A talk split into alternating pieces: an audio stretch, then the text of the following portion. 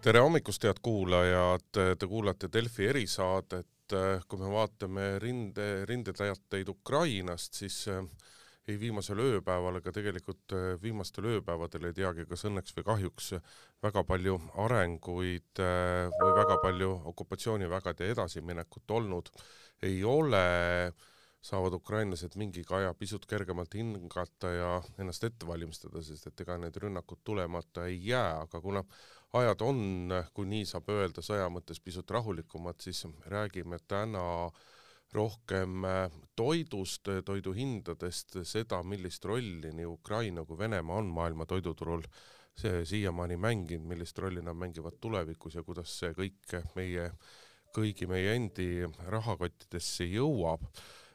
Mina olen Maalehe peatoimetaja Indrek Riikoja, mul on stuudiokülaliseks Andres Oopkaup, kes ise on põllumees, on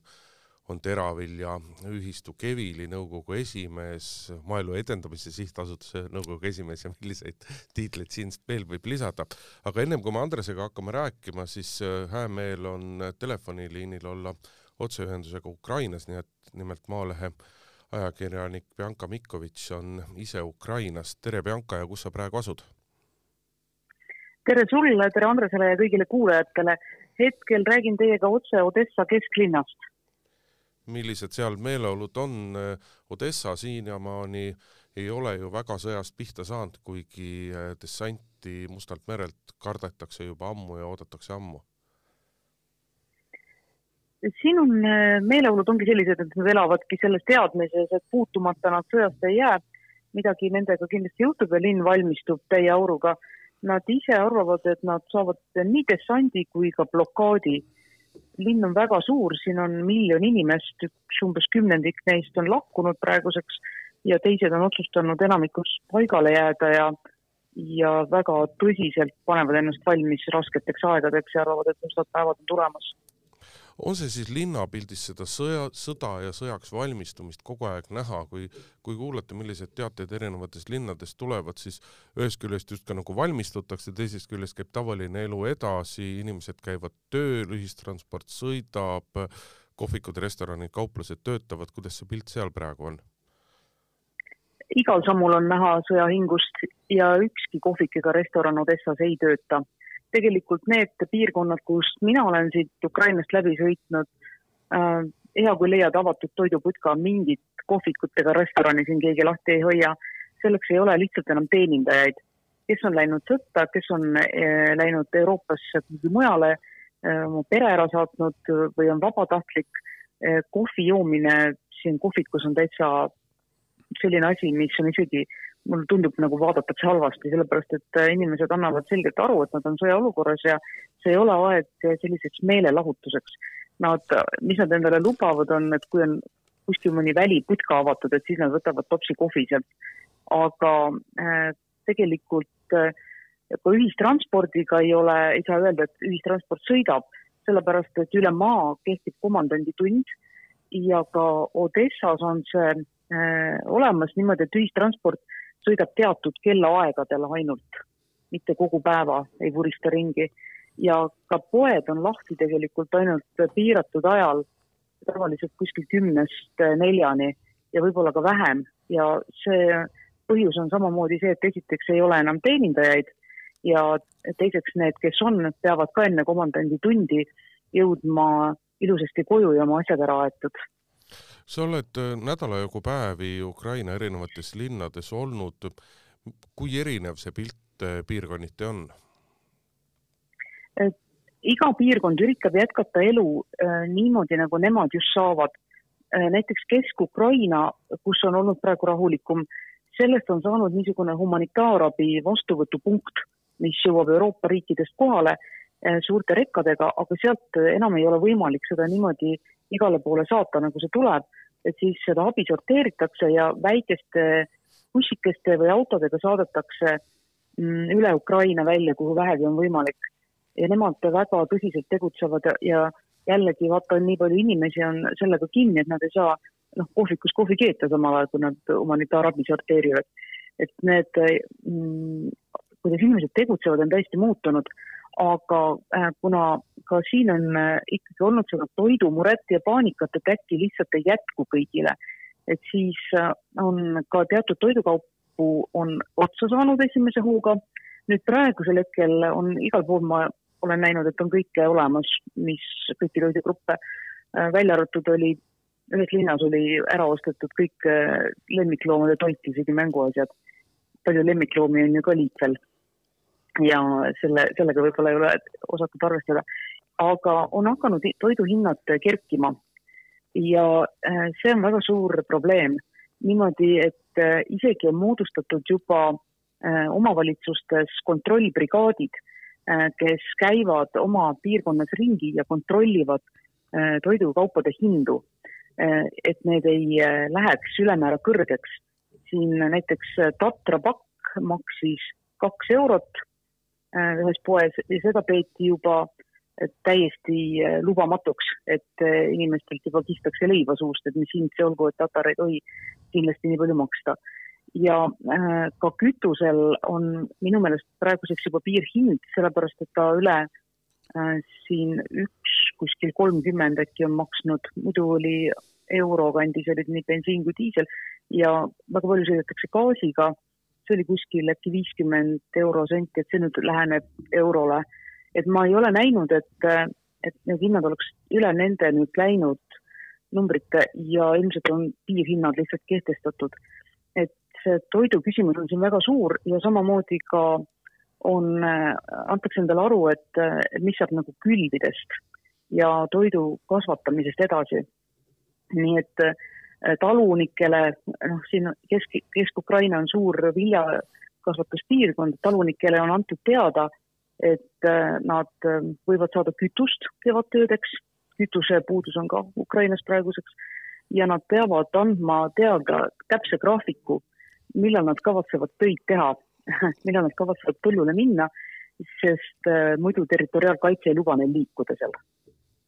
Kuidas, mida räägitakse koha peal riigis olevatest toiduvarudest, nädalavahetusel jõudis meiegi meediasse, jõudsid äh, ukrainlaste teated selle kohta, et äh, kui suured on, on seal päevalilleseemnete, päevalilleõli varud, erinevate, erinevate teraviljade varud, kohati need tundusid, tundusid olevat ikkagi jutu põhjal küll väga suured, aga, aga mida koha peal sellest räägitakse, kas peljatakse seda, et toit saab otsa Ukrainas ja et seda väljast juurde ei saa? sellest räägitakse, aga praegu tundub olevat inimestel selline hetk, et kuna kaks nädalat on sõda kestnud ja tegelikult ikkagi äh, toidukaupu on olemas,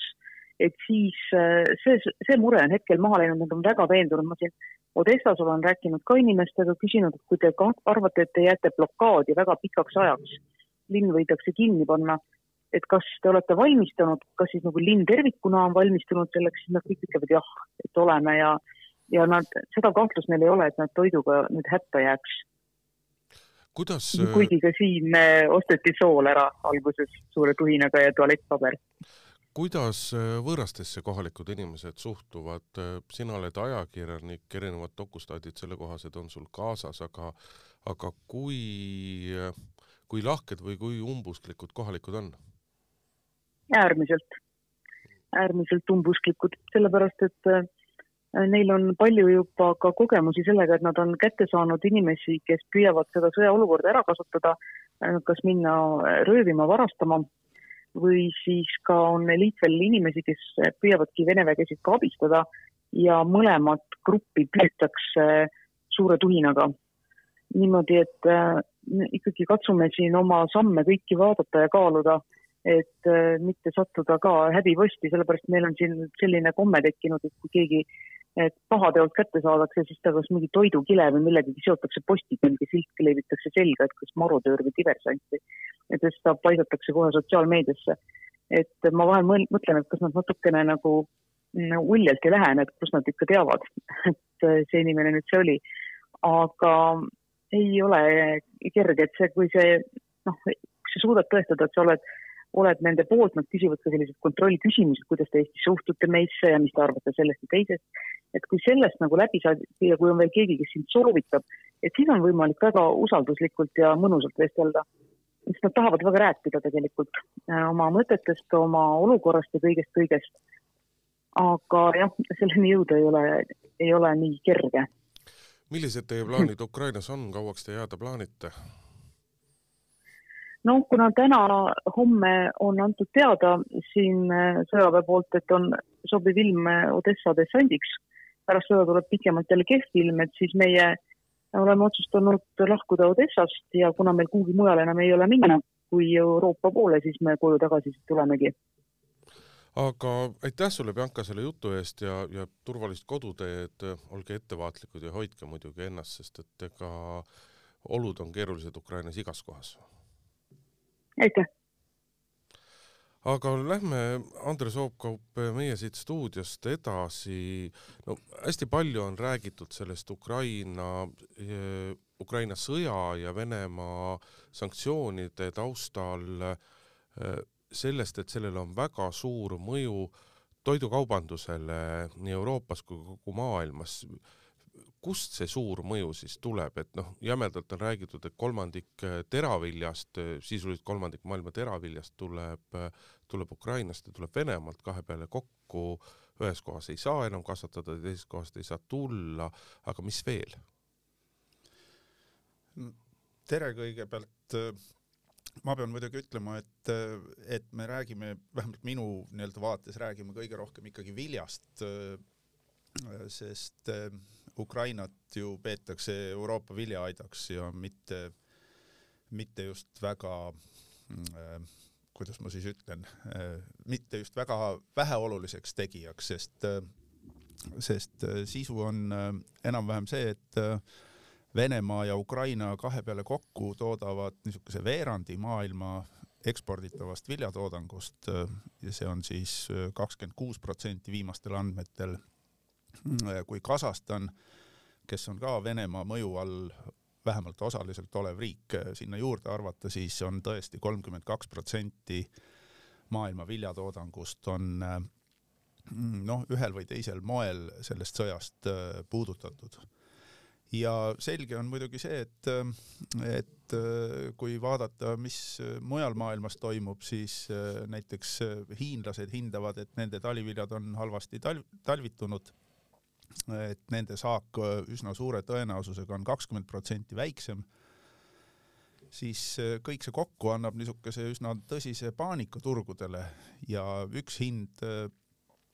tõstab teist, sest ega siis sealiha hind ei saa madalaks jääda, kui teravili eest ära jookseb, nii et see on meile endale väga selgelt Eestis tuntav areng see ongi ju tegelikult asi, millest tavaline inimene tihtipeale aru ei saa, et teravili teraviljaks, et see ei ole ainult saiapäts või, või leivakannikas, mis sellest tuleb, vaid sellest saab tegelikult kogu põllumajandussektor, kogu lihakasvatus, on see siis eh, lihaveised, seakasvatus, linnulihakasvatus, piimatootmine, kõik need on teraviljaga väga otseselt seotud ja need on nagu väga olulised, teravili on väga oluline sisend liha tootmises no et kui põllu peal loetakse väetist niisuguseks katalüsaatoriks, mis paneb vilja kiiresti kasvama, siis äh, teravili paneb äh, tegelikult produktiivloomad äh, kiiremini ja paremini kasvama, sest selle, selle kaudu saadakse täisväärtuslik sööt. kui palju oskad sa öelda seakasvatuses, lihaveisekasvatuses, linnukasvatuses protsentuaalselt teravili nii-öelda kuludes, kui palju ta moodustab? No minu mälu järgi seakasvatuses on ta ligikaudu pool, noh, püütakse seda kogu aeg vähendada aga, aga nelikümmend protsenti kuni viiskümmend protsenti, linnukasvatuses isegi öeldakse seitsekümmend protsenti on siis see söödakulu. lihaveised, ma arvan, et on kõige vähem nagu seotud, et äh, veised, lambad äh,, piimakari. No piimakari ka, aga seal see vahe veelahe jookseb mäletsejaliste juurest, et äh, et kana ei ole mäletseja, siga ei ole mäletseja, et kana ja ja, ja sealiha on nagu oma olemuselt sarnase toitumismustriga, nagu on inimene. aga mäletseja on see, kes suudab siis äh, seda nii-öelda maailmas olevat toiduressurssi suurendada või pikendada läbi selle, et, et ta suudab muuta äh, rohu, mis inimesele ei ole tegelikult seeditav et äh, ta suudab selle rohu muuta inimesele seeditavaks toiduks, et selle tõttu on veisekasvatus hästi oluline. lambakasvatus ka, sest toiduressurss on maailmas selles mõttes ju piiratud, et seda pinda või seda põllumaad, mille peal saab äh, inimesele seeditavat toitu kasvatada, et see on üsna selgelt paigas seda suurendada ei saa enam. ehk lihtsustatud öeldes, et kui inimene ei saa rohust midagi, siis läbi lehmade, läbi veiste, läbi lammaste on võimalik ka tegelikult sellest rohust tööt-, toota inimesele.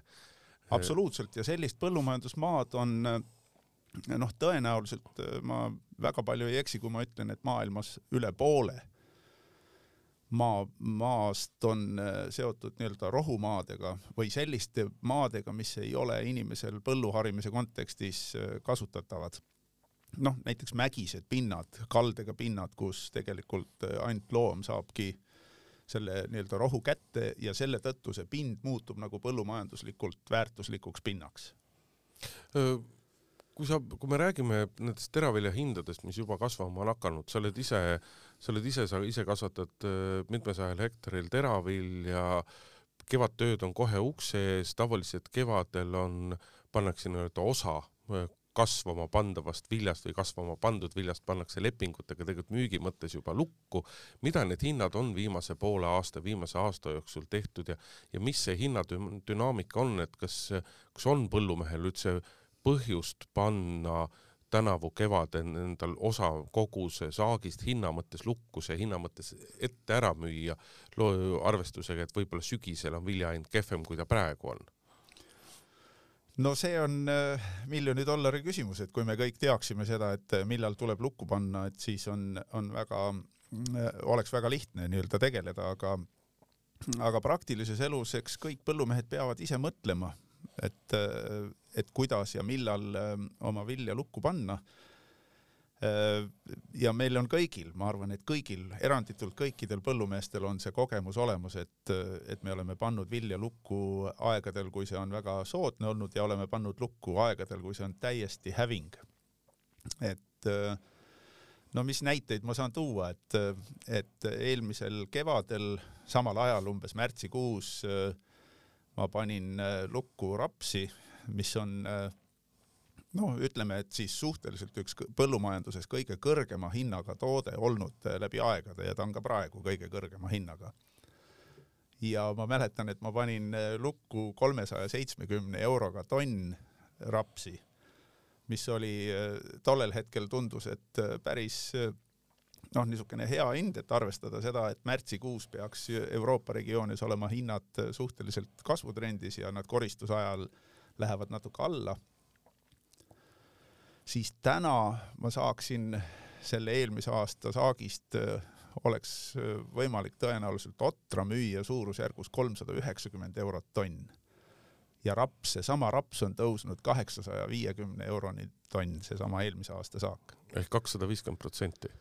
sisuliselt jah, nii et, äh, et see näitab seda, et noh, võtame siis äh, mõned numbrid appi, et kui ma panen sada tonni äh, rapsi nii-öelda lukku, siis äh, selle hind mulle oleks kolmkümmend seitse tuhat eurot, kui ma täna sellesama koguse tänaste hindadega eelmise aasta rapsi paneks lukku, siis ma saaksin sellest kaheksakümmend viis tuhat eurot sellest samast sajast tonnist. ehk vahe on väga-väga-väga suur. et põllumajanduses on äh, on riskid muutunud äh, väga suureks, et äh, väga kerge on, on äh, nii-öelda hävida. ja noh, mis asja raskemaks teeb, et väetised, kütused, kõik need on samamoodi kallinenud. ja kui ma nüüd võtan, et ma peaksin sellel kevadel ju väetama nii-öelda praktiliselt väga kalliste väetistega oma põldu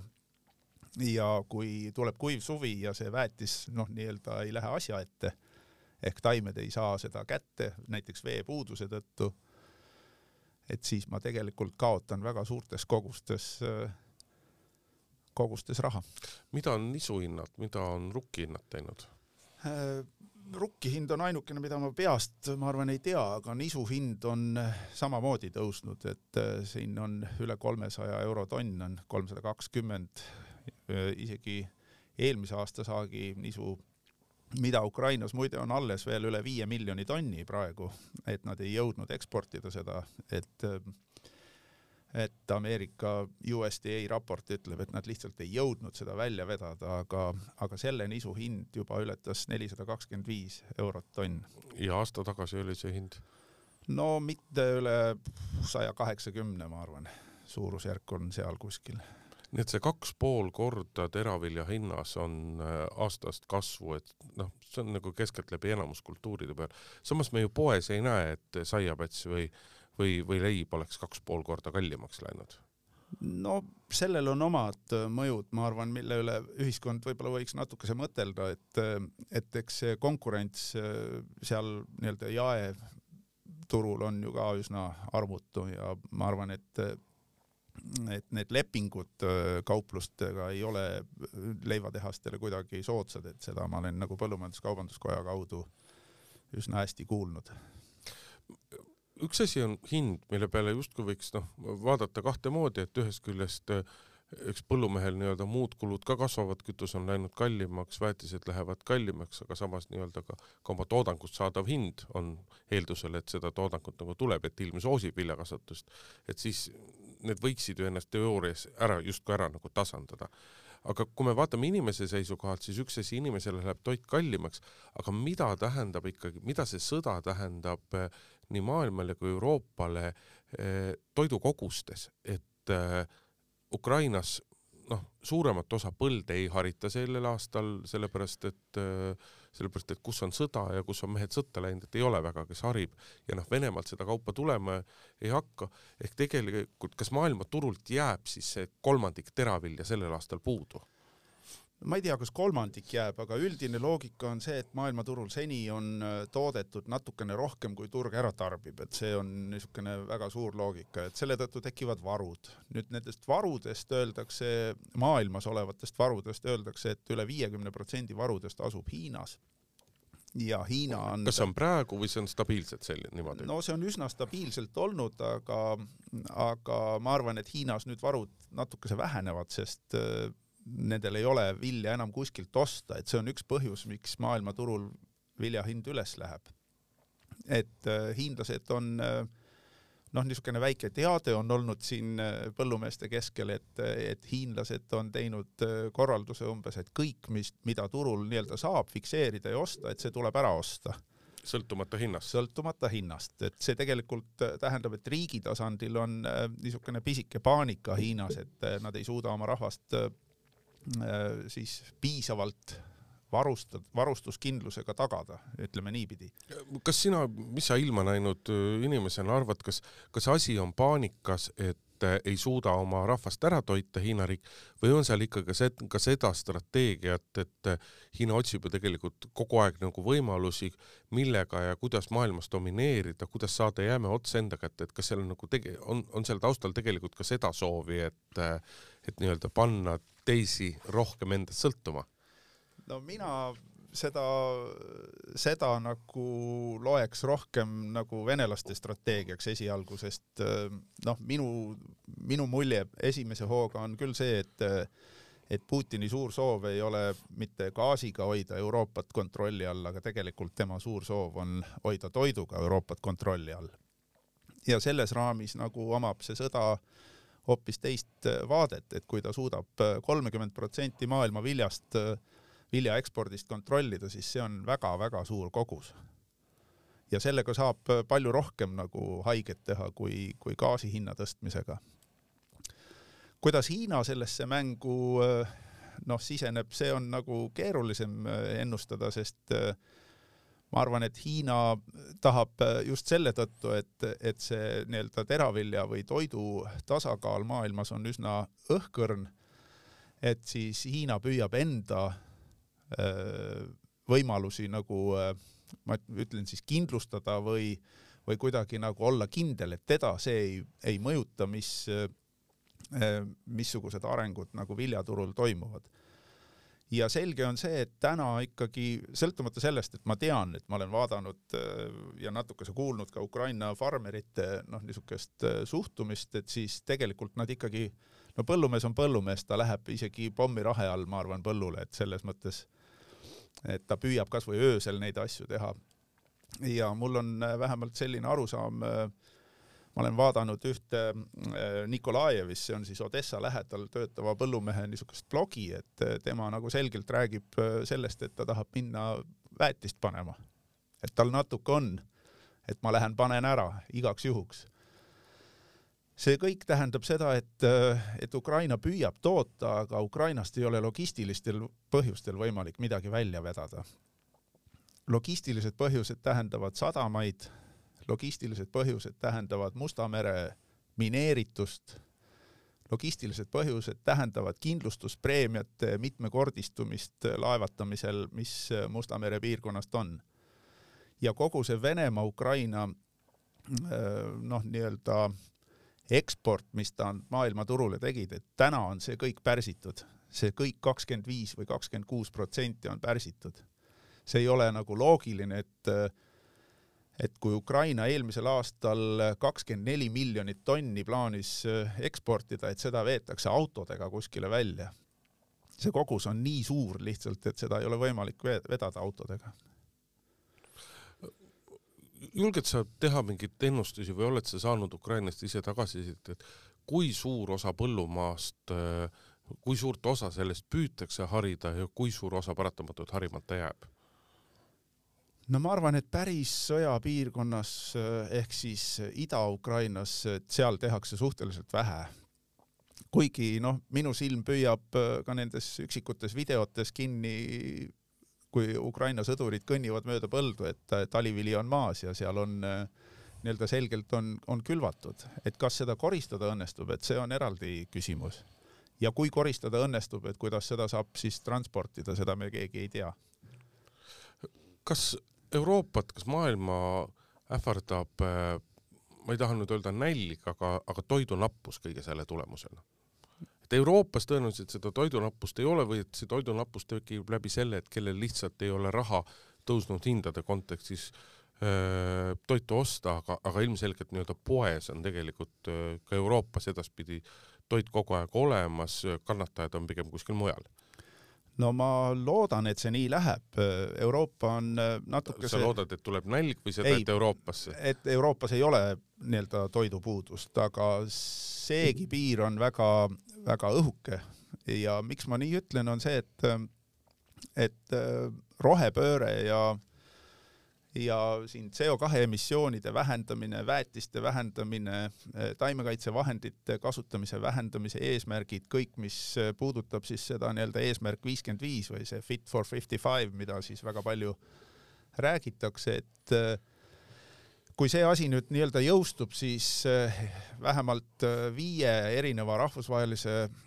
uuringu tulemusena on hinnatud, et Euroopa viljatoodang väheneb suurusjärgus kakskümmend protsenti. ja kui see juhtub, siis Euroopa ei ole tegelikult enam vilja eksportiv regioon, vaid on importiv regioon ja see tähendab omakorda seda, et maailmas tuleb Euroopa viljapuuduse leevendamiseks kasutusele võtta vähemalt äh, noh, ühest kuni viie miljoni hektarini, sõltuvalt sellest, kui suur see saagikus sellel pinnal saab olema. ja kui see asi juhtub, siis, siis ma arvan, et on Euroopa iseendale nagu jalga tulistanud sellesama toidupuuduse kontekstis. kuigi esimesed märgid, ma pean tunnistama, et on olemas, et eile lugesin, lugesin uudist, kus kus Euroopa ministrite nõukogu on koos põllumajandusministritega on teinud äh, vähemalt andnud indikatsiooni, et et ökoloogilise mitmekesisuse suurendamise sihtalade see sihtarv oli kümme protsenti pinda, tuleks kasutada energiakultuuride või õlikultuuride kasvatamiseks. et selles mõttes tasakesi ma saan aru, et on, on ka ametnikud jõudnud sinna, et see toiduga varustatus ei ole noh, nagu inglise keeles öeldakse, et see, see ei ole nii-öelda granted või see ei ole meile nii-öelda äh, igavesti antud äh, võimalus, et me peame selle nimel pingutama. Ma tahtsingi oma jutuga jõuda selleni, et mis on need erinevad võimalused, kuidas nii Eesti kui Euroopa Liit saavad praegusel hetkel, praegusel hetkel kuidagi nii-öelda pehmendada seda mõju, mis Ukrainast ja Venemaalt tuleb, et, et, et see rohepööre ju kui ta läheks praeguste plaanide kohaselt põllumajanduse vaatest, küsimus ei ole mitte ainult toodangu vähenemises, vaid ka, vaid ka selle, mida kasvatatakse, selle hinna tõusust, tõusus. Ehk, ehk nii-öelda tuleb see mõõk tabab kahe teraga või, või, või lõikab mitmest kohast. Aga kas peale selle on veel mingisuguseid võimalusi? Ja, ja kui me nüüd oleme nagu päris ausad ja objektiivsed, siis ega meil ju praktikas ei ole tegelikult siiski ka võimalust äh, kogu see rohepööre nii-öelda nagu täiesti kõrvale tõsta, sest et teisest küljest, et ega nende eesmärkide täitmine, mille poole püüeldakse, on selle nimel, et ka kahe, kolme, nelja ja viiekümne aasta pärast oleks, kus kasvatada oleks midagi, kasvatada ei oleks normaalset elukeskkonda, et meil neid tegevusi tegelikult ikkagi praktikas on ka vaja, et võib-olla mitte meie enda eluea jooksul, aga meie laste ja lastelaste vaatest igal juhul no mina arvan, et vastutustundlik põllumees püüab oma põldu harida igal juhul niipidi, et, et mullaviljakus summaarselt ei väheneks. ja see on üks põhjus, miks põllumees tahab mulda väetada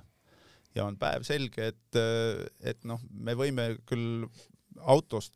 võib-olla mööda sõites kiruda, et ta paneb väetist või ta paneb sõnnikut põllule ja see haiseb ja see ei meeldi, see lõhn ja nii edasi. Aga reaalsus on see, et see ongi kõik see, mida põllumees teeb selleks, et mullaviljakus ei, ei väheneks. et minu jaoks on olnud kõige raskem vaadata Iisraeli, Iisrael on maailmas üks suuremaid aiandussaaduste tootjaid ja tema Äh, tema nii-öelda piirkonnas on noh, kliima nende aiandussaaduste tootmiseks on väga hea, seda kasvatatakse avamaal ja seal on loodud niisugused äh, niisutussüsteemid, mis on nii-öelda ringi ratast sõitvad äh, niisutusseadmed, keskelt tuleb vesi peale ja siis tervet seda ala kastetakse. ja need on nii-öelda aerofotode või kosmosest tehtud fotodest on näha, kuidas need ringid on valget värvi valge värv tähendab seda, et sellest mullast on orgaaniline materjal kõik kadunud. see tähendab seda, et muld on nii-öelda kõrbestunud, et ta on liivaks muutunud. Ja see on kindlasti see olukord, mida Eesti põllumehed minu hinnangul on äh, kogu aeg valmis äh, äh, vältima, et meie mullad kuidagi nagu kõrbestuksid või muutuksid liivaseks. et ma ei, ma ei näe nagu seda kohta, et põllumees oleks nagu mulla suhtes vaenulik aga ma arvan, et meid ühel või teisel moel ikkagi tabab see toidu tootmise koguste äh, vähenemine ja selle töö teeb ära väga suurel määral see väetise hind, mis äh, mis praegu on ikkagi roninud väga-väga suurtesse kõrgustesse, et äh, noh, ma toon jälle hindasid, et eelmisel kevadel ma ostsin, ma arvan, lämmastikväetist hinnaga sada seitsekümmend eurot tonn. kui ma täna peaks ostma siis see on tuhat ükssada viiskümmend eurot tonn, seesama väetis. ja Sa sada seitsekümmend versus tuhat ükssada viiskümmend. Ja ütleme, et seda ma peaksin niisuguse hektari kohta panema alates kahesajast liitrist, muidu ei ole sellel nii-öelda, no see on vedelväetis, et muidu ei ole sellel asjal nii-öelda äh, reaalset mõju mis tegelikult ju tähendab seda, et, äh, et äh, see kulu põllumehe seisukohast on väga suur mis on väetise, väetise osakaal teravilja tootmise nii-öelda kogukulustes? Mis ta on siiamaani olnud ja mis ta siis nüüd võib olla, kui hinnatõus on peast ruttu arvestades niisugune kaheksa korda?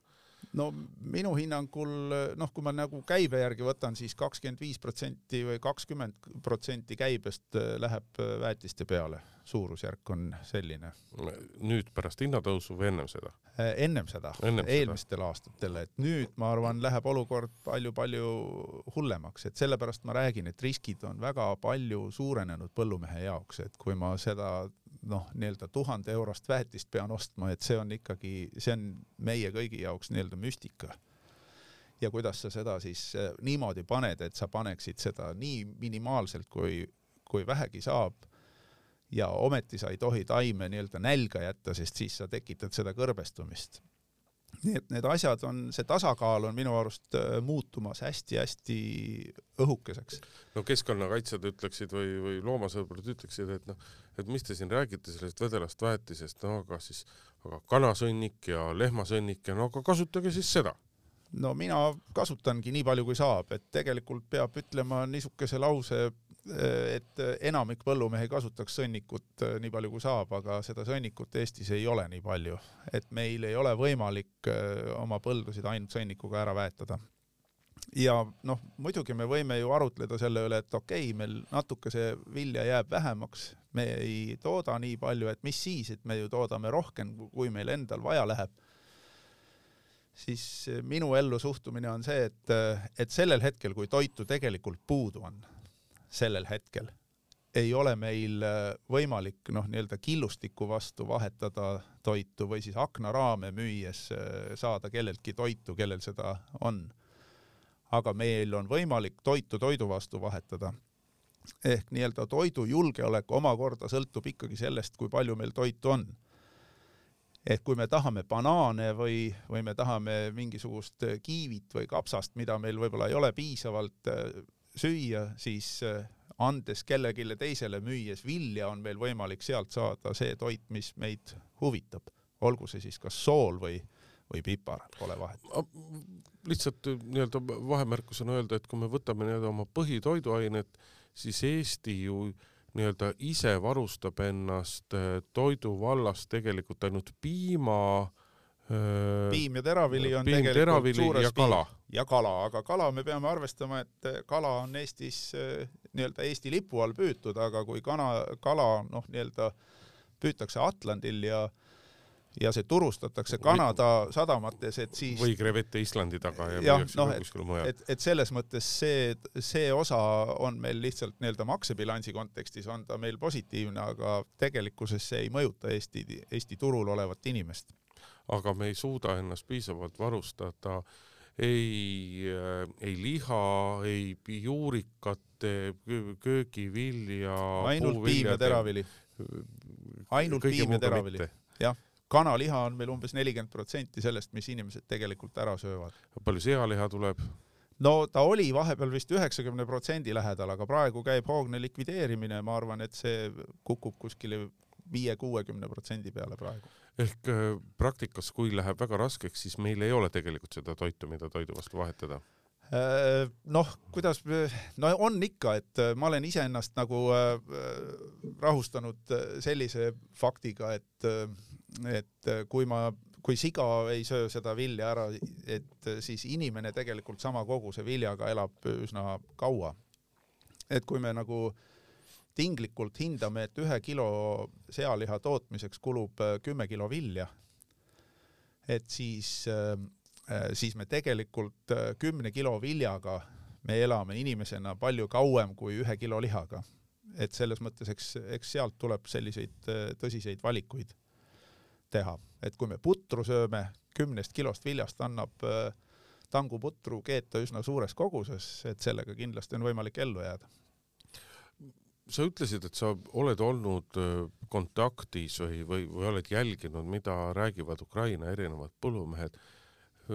no see on blogi tegelikult, mida ma nii-öelda vaatan, nii nagu kõik me vaatame, mis meedias on. aga, aga mis nagu, mis need meeleolud on, erinevad need kuidagi kõigist teistest ukrainlastest, noh, tõenäoliselt mitte, aga mis just põllumajanduse vaates nagu, mis see,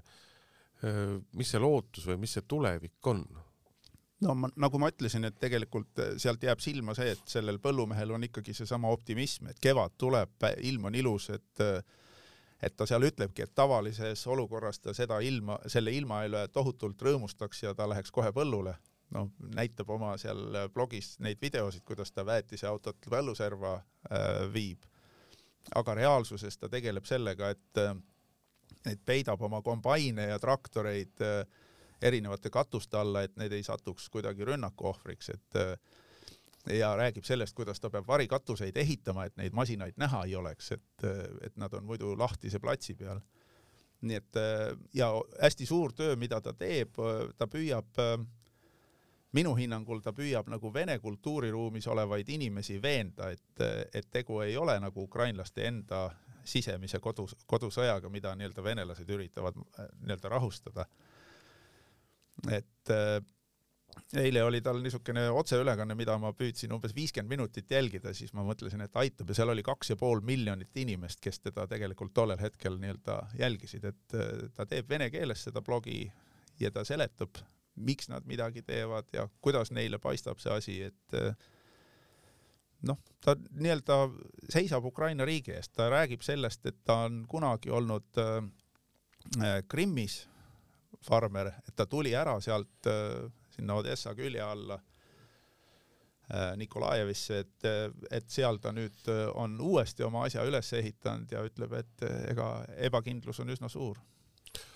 võiks ju öelda, et äh, ei noh, mis siis ikka, peavad seal see aasta oma sõe, sõja ära, noh, okei okay,, see aasta nagu ei külva, et äh, küll järgmine kevad uuesti. Tegelikkus on ikkagi see, et kui sa jätad põllumajanduses ühe külviaasta vahele, siis, äh, siis mitte sul lihtsalt ei ole teravilja, sa pead, äh, sa oled sunnitud paratamatult hävitama kõik oma loomad, kui kaua võtab ühe riigi põllumajandusel aega see, et taastuda ühest vaheaastast? no kõige karmima jälje selline noh, nii-öelda likvideerimine ja vähendamine jätab just äh, veisekarjadesse. Et äh, see on nagu esimene niisugune reaktsioon, et seal hinnatakse, et, äh, et üle viie aasta läheb see niisugune otsuste ümbertegemine. noh, sealihal hinnatakse, et see on kuskil kaks aastat ja linnulihal on kõige kiirem see nii-öelda käive, et seda on võimalik kõige kiiremini taastada. aga ka teraviljakasvatajale endale ei ole see asi päris ilma kuludeta. et kui ma jätan ühe aasta tegemata, siis see tegelikult tähendab järgmisel aastal süvendatud umbrohutõrjet, rohkem nii-öelda sügamist ja rohkem äh, töö tegemist selleks, et see maa uuesti normaalsesse konditsiooni saada, sest äh, põllumehena me valdavalt teame kõik seda, et umbrohupank või siis umbrohuseemnete varu mullas on, äh, on üsna suur. kui ja, suur? no ma arvan, et äh, kuidas ma siis ütlen, kümneks aastaks jätkub neid seemneid seal kindlasti ja iga kord, kui sa mulda liigutad, sa tõstad äh, mingisuguse koguse seemneid äh, mullast nii-öelda ülesse, mis hakkavad idanema. et kui sa lased vahepeal umbrohul uuesti oma umbrohupanka täiendada, et siis tegelikult selle mõju järgmistele aastatele on päris arvestatavalt suur just sellesama umbrohu tõrjumise kontekstis. nii et selles mõttes on kasulik hoida kogu aeg see umbrohufoon madalamal, selleks, et saada normaalset saaki, sest umbrohi konkureerib teraviljaga ja sööb ära teravilja eest äh, nii-öelda toitained. et see on kõige suurem kahju, mis selle protsessi juures tekib. ehk siis, kui Ukrainas tuleks vaheaasta, siis noh, see läheks viis kuni kümme aastat, kuni sellest taga äh, välja tuldaks no ma usun, et nii ehk nii läheb, et kui me vaatame neid pilte, et ega neid maju ei ehitata ühe aastaga üles, ega neid sadamaid eh, ja teid ja sildasid ei tehta ju eh, korda tundidega, et see on kõik, eh, see kõik võtab, võtab väga palju aega. ja ma usun, et, et ega, ega me ju ei tea, et kui see vilja noh, teravilja tasakaal maailmaturul muutub väga nagu rabedaks, et siis on hinnad jätkuvalt kõrgel, aga näiteks seesama Ukraina võib, võib ka ühel hetkel tekitada teravilja hindade languse just läbi selle, et et ta siiski toodab, et see põllumajandus võib-olla muust majandusharust taastub kiiremini. ma arvan, et kiiremini kui elamuehitus või kiiremini kui infrastruktuuri tagasiehitamine. aga nagu sa ütlesid, et, et suur küsimus saab olema see, et kuidas, isegi kui see vili seal valmis kasvatatakse, siis kuidas see sealt välja tuuakse. jah, ja kui see leitakse, see meetod, siis, siis noh, ma usun, et sellel hetkel, kui ukrainlastel ei ole vilja enam kuskile panna, et reaalselt ei ole hoidlaid, mis võib väga kergelt tekkida, et siis ju läheb hind ka alla, et ega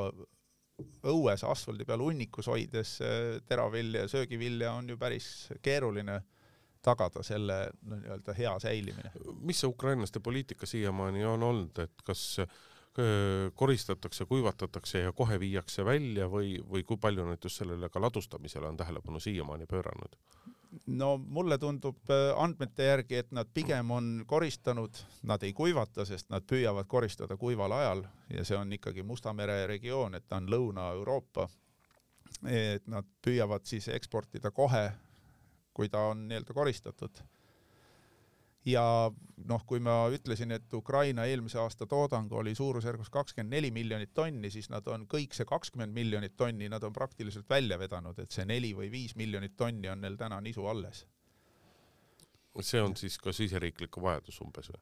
no ma olen aru saanud, et nad hindavad, et nendel endal siiski toidupuudust selle tõttu ei tule, et neil vilja on ja ülejäänud maailm on muidugi, ma arvan, et hädas. Et näiteks maisitoodang, mis Euroopasse tuli, et ligi kolmandik on pärit Ukrainast, et ja see mais on nüüd veiste ja, ja sigade väga suur nii-öelda söödamaterjal. Et sealt tuleb väga suur tagasilöök. Ja noh, et Euroopas need ainsad piirangud, mis praegu toidupaanikale on, on kehtestatud, et me loeme, et see on tegelikult päevalille seemneõli. et inimesed ostavad seda kokku, sest see on kõik tulnud Ukrainast räägime saate lõpetuseks sellest, mis tunnetega Eesti põllumehed vastu lähevad ja kuidas Eesti põllumehed ise saavad Ukrainale, ukrainlastele appi tulla. no sa tõid välja, et väetised on kasvanud seitse, väetise hind on kasvanud seitse-kaheksa korda, kütuse hind aastaga on kasvanud, no päris kahte korda veel no, ei ole. ikka ta on aga, ligi kaks korda praegu. aga, aga ligi kaks korda noh, samal ajal teravilja hind on kasvanud kaks pool korda ja, ja võib vist ennustada, et ta pigem sügiseks kasvab veel. no minu tagasihoidlik arvamus on küll see, et äh, praegu ei ole veel päris õige aeg hindasid lukku panna, et äh, me alguses siin rääkisime sellest, et üldiselt on põllumeestele kogu aeg soovitatud, et kolmandik saagist pan-, pange enne koristust lukku, kolmandik umbes koristuse ajal ja viimane kolmandik pange siis peale koristust millalgi. kuidas et... noh, tööjõukulud on, kasvavad nii nagu majandusele üldiselt sihuke seitse-kaheksa protsenti aastas, et eh, mis pilguga nagu ette vaadata sellele põllumajandusaastale? no ma arvan, et meil on kahte, jämedalt kahte sorti põllumehi täna Eestis, et eh, on osad, kellel on eh, kõik varud uue hooaja ehk selle tuleva suve, kevade ja suve jaoks olemas et ähm, seeme, väetis, inimesed, kütus. ma arvan, et kõik asjad on, osadel meestel on kõik asjad olemas, kogu väetis on olemas, kõik seemned on olemas, äh, noh, taimekaitsevahendid on võib-olla praegu see, mis äh, on tellitud, suurusjärk on seal. kas seal on ka hinnad tõusnud? Taimekaitsevahendid on kõige vähem, minu arust on hinnad tõusnud praegu kogu selles hinnarallis, et hetkel tundub see osa isegi üsna niisugune soliidselt hea aga noh, kütus on eh, juba üsna palju, ma arvan, tõusnud ja, ja tegelikult eks Eesti põllumehed peavad selle peale mõtlema, et kui me oleme, kui me seisame sügisel põlluservas, eh, vili on valmis ja meil ei ole kütust kombainipaaki kallata, et see kahju on ikkagi ülisuur tollel hetkel. Nii et eh, ma arvan, et osad põllumehed on kõik need riskid püüdnud kuidagi maandada. kas sina ka? mina jah, olen püüdnud need maandada, et minul on väetis olemas ja kütus olemas Äh, aga mis on, äh, mis on nagu keerulisem, et ma tea, tunnen ka põllumehi, kes, kes ütlevad, et nendel ei ole väetist, et praktiliselt üldse ei ole väetist suutnud osta ja praegu seda turult osta on ikkagi väga-väga mõrvarlik nagu rahakotile, et kuidas, kuidas sa selle väetise kätte saad. Ja kas üldse tasub siis panna ja kui palju tasub panna ja nii edasi. Mida see sõda tähendab tööjõu poole pealt Eesti põllumajandusele, meil on läbi aastate räägitud ja, ja siis, kui koroona meil algas kahe, kaks aastat tagasi, siis oli väga tugevalt päevakorral Ukraina võõrtööjõu küsimus Eesti põllumajandusest, noh praegu võiks ju ühest küljest justkui öelda, justkui öelda, et eh, kümned tuhanded et eh, sõjapõgenikud tulevad, et tööjõuprobleem peaks lahendatud olema, no praktikas ta muidugi niimoodi ei tööta, et, et kui varem toodi sul kuhugile maasikakasvatust allu või kuhugile toodi kaheks kuuks ukrainlased, nad tulid kohale, neil olid omad väiksed nii-öelda majakestega külad tehtud, elasid kahe-kolme-neljakesi ühes toas, eks ole, siis tihtipeale olid need mehed, kes nüüd tulla ei saa, aga teine pool, et nüüd need valdavalt naised, kes on tulnud, neil on ju lapsed ka ja kõik, et ta ei saa Tallinnast minna kaheks kuuks kuhugile Lõuna-Eestisse, aga aga et ühest küljest, mis tööjõu poole pealt saab ja, ja kui palju nii-öelda nagu põllumajandussektor saab aidata nii pagulasi kui ukrainlasi endaid noh, väga mitu küsimust oli sul siin no, korraga, aga, aga ma arvan, et maasikate korjamise kontekstis ikkagi needsamad äh, naised, äh, kes on tulnud, et nad suudavad küllalt palju ära teha, et selles mõttes seal ma probleemi tegelikult ette praegu ei näe. aga ma näen probleemi pigem selles, et, et Ukraina mehed ei tule enam Eestisse või vähemalt enamus neist ei tule, sest neil on siseriiklik mobilisatsioon välja kuulutatud, nad on tõenäoliselt enamus kuni kuuekümne viienda eluaastani sõjaväekohuslased. See tähendab seda, et,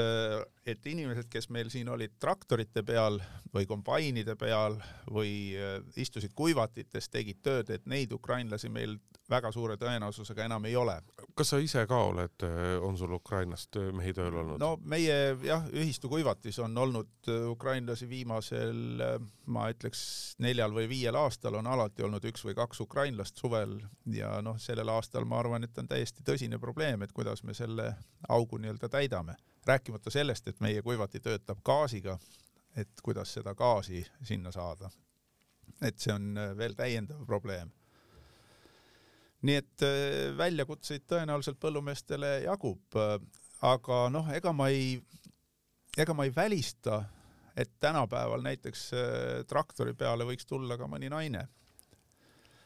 et äh, mina ei näe isiklikult äh, seda, et see töö oleks äh, naisterahvastele liiga raske. aga tal peab sellega ikkagi ju mingisugune varasem kokkupuude olema, et inimest, kes, kellel nagu ei ole üldse noh, kes ei ole seda tööd teinud, noh, tema väljaõpetamine on pehmelt öeldes keeruline või? no mina arvan, et kui inimesel on huvi, siis on võimalik ta välja õpetada, et, et me ju täna nii-öelda ka neid mehi, kes meil töötavad, et ega me ei sunni neid ju masinaid parandama, et see parandamine on ikkagi niisugune teiste tiimide töö. et praegu on kõige rohkem vaja äh, noh, nii-öelda pilooti, et kui ma saan oma kaheteistkümneaastase poja panna traktoriga põllule tööle, et siis ma arvan, et enamik naisi suudab samal tasemel seda asja kindlasti teha. et sa pead natukene rooli keerama, aga rohkem arvutiasjandust tundma tegelikult. põhimõtteliselt jah, et äh, see asi sinna on suundumas, et, äh, et äh, elektroonika juhib väga palju masinaid ja sa pead enam-vähem lihtsalt vaatama, et kas kõik pulgad on küljes ja kas traktor teeb seda, mida sa tahad, et ta teeb, et äh, siis on vaja nii-öelda sekkuda sellesse protsessi. nii et ja ma arvan, et tegelikult ka ukrainlastel võib ühel hetkel tekkida täiesti selgelt niisugune hulk naisi, kes äh, näiteks võiksid tahta sellist äh, kogemust omandada. ja ma eeldan, et see tekib just selle tõttu, et ka Ukrainas ei ole neid põllumehi. et kui mehed on kõik nii-öelda sõjas et siis äh, keda sa seal traktori rooli paned, et äh, selle tõttu võib tekkida nii-öelda koht, kus äh, siin nii-öelda Eestis saab välja õpetada näiteks mingisugusel hulgal selliseid naisi, kes, kes suudavad ka järgmisel hooajal teha Ukrainas põldu, sõltumata meestest siis. nii et selles mõttes ma arvan, et see, see niisugune arenguvõimalus on üsna suur. palju Eesti põllumehed on põgenikele appi tulnud? Äh, Eesti Põllumajandus-Kaubanduskoda korraldas niisuguse küsitluse, mm, äh, mille raames ta siis küsis, et äh, kas ja kui palju põllumeestel on olemas nii-öelda elamispindasid ja siis ka töökohti, et ma küll neid numbreid peast ei mäleta, aga seal oli vist üle kahesaja suurpõllumehe nii-öelda reageeris. ja neid kohti oli seal, ma pakun, et tuhande ringis, aga ja ma isegi olen üles andnud, et ma noh, kuigi mul otseselt ei ole kohe tööd pakkuda, aga kui mõni põgenik tuleb ja ta tahab põllumajandussektoris töötada, siis ma arvan, et ma leian selle töö. et pean lihtsalt otsima, et tal oleks seda tööd teha. aga mingit rakendust ikka, ikka leiab? no ma arvan, et leiab, et eh, eks siis tuleb lihtsalt midagi sellist ette võtta, mis tekitab selle variandi, et inimene saab tööd ja saab ennast üleval peetud. kaua see kõik kesta võiks? No mina olen arvamusel, et, et see kestab. kahjuks ma olen pessimistlik, et, et ma usun, et see kõik see asi ikkagi lõpeb siis, kui Vladimir Vladimirovitš nii-öelda siit maamuna pealt oma jalgadelt tolmu pühib või, või sunnitakse seda tegema. sest no niisugune ütlus on ju, et vana santi teistmoodi lonkama ei õpeta, et selles mõttes äh, ma arvan, et ega ta enne ei, ei pidurdu, kui, äh, kui see asi on ikkagi üheselt tehtud, et äh, ma olen arvamusel, et, et praegu ei ole veel vene rahvas selleks nii-öelda valmis, et, et, et see rünnak Vene territooriumile võiks minna, et selle tõttu ei ole sellel asjal nii-öelda pointi. aga sõdasid võidetakse rünnates, mitte kaitstes, nii et selles kontekstis on see perspektiiv üsna halb. no loodame siiski, et asjad lähevad pigem parema, pigem paremini kui halvemini. tõmbame siinkohal tänase saate otsad kokku, mina olin saatejuht Maalehe peatoimetaja Hindrek Riika ja meil oli stuudios Andres Oopkaup, põllumees ja mitmete noh, mitmetes ühistutes tegev, põllumajandusühistutes tegev ja saate alguses oli meil telefoniühendus ka Ukrainaga, kus on Maalehe ajakirjanik Bianca Mikovitš eh, praegu parasjagu Odessas. suur tänu kuulamast, ilusat päeva teile ja homme on eetris juba uus erisaade.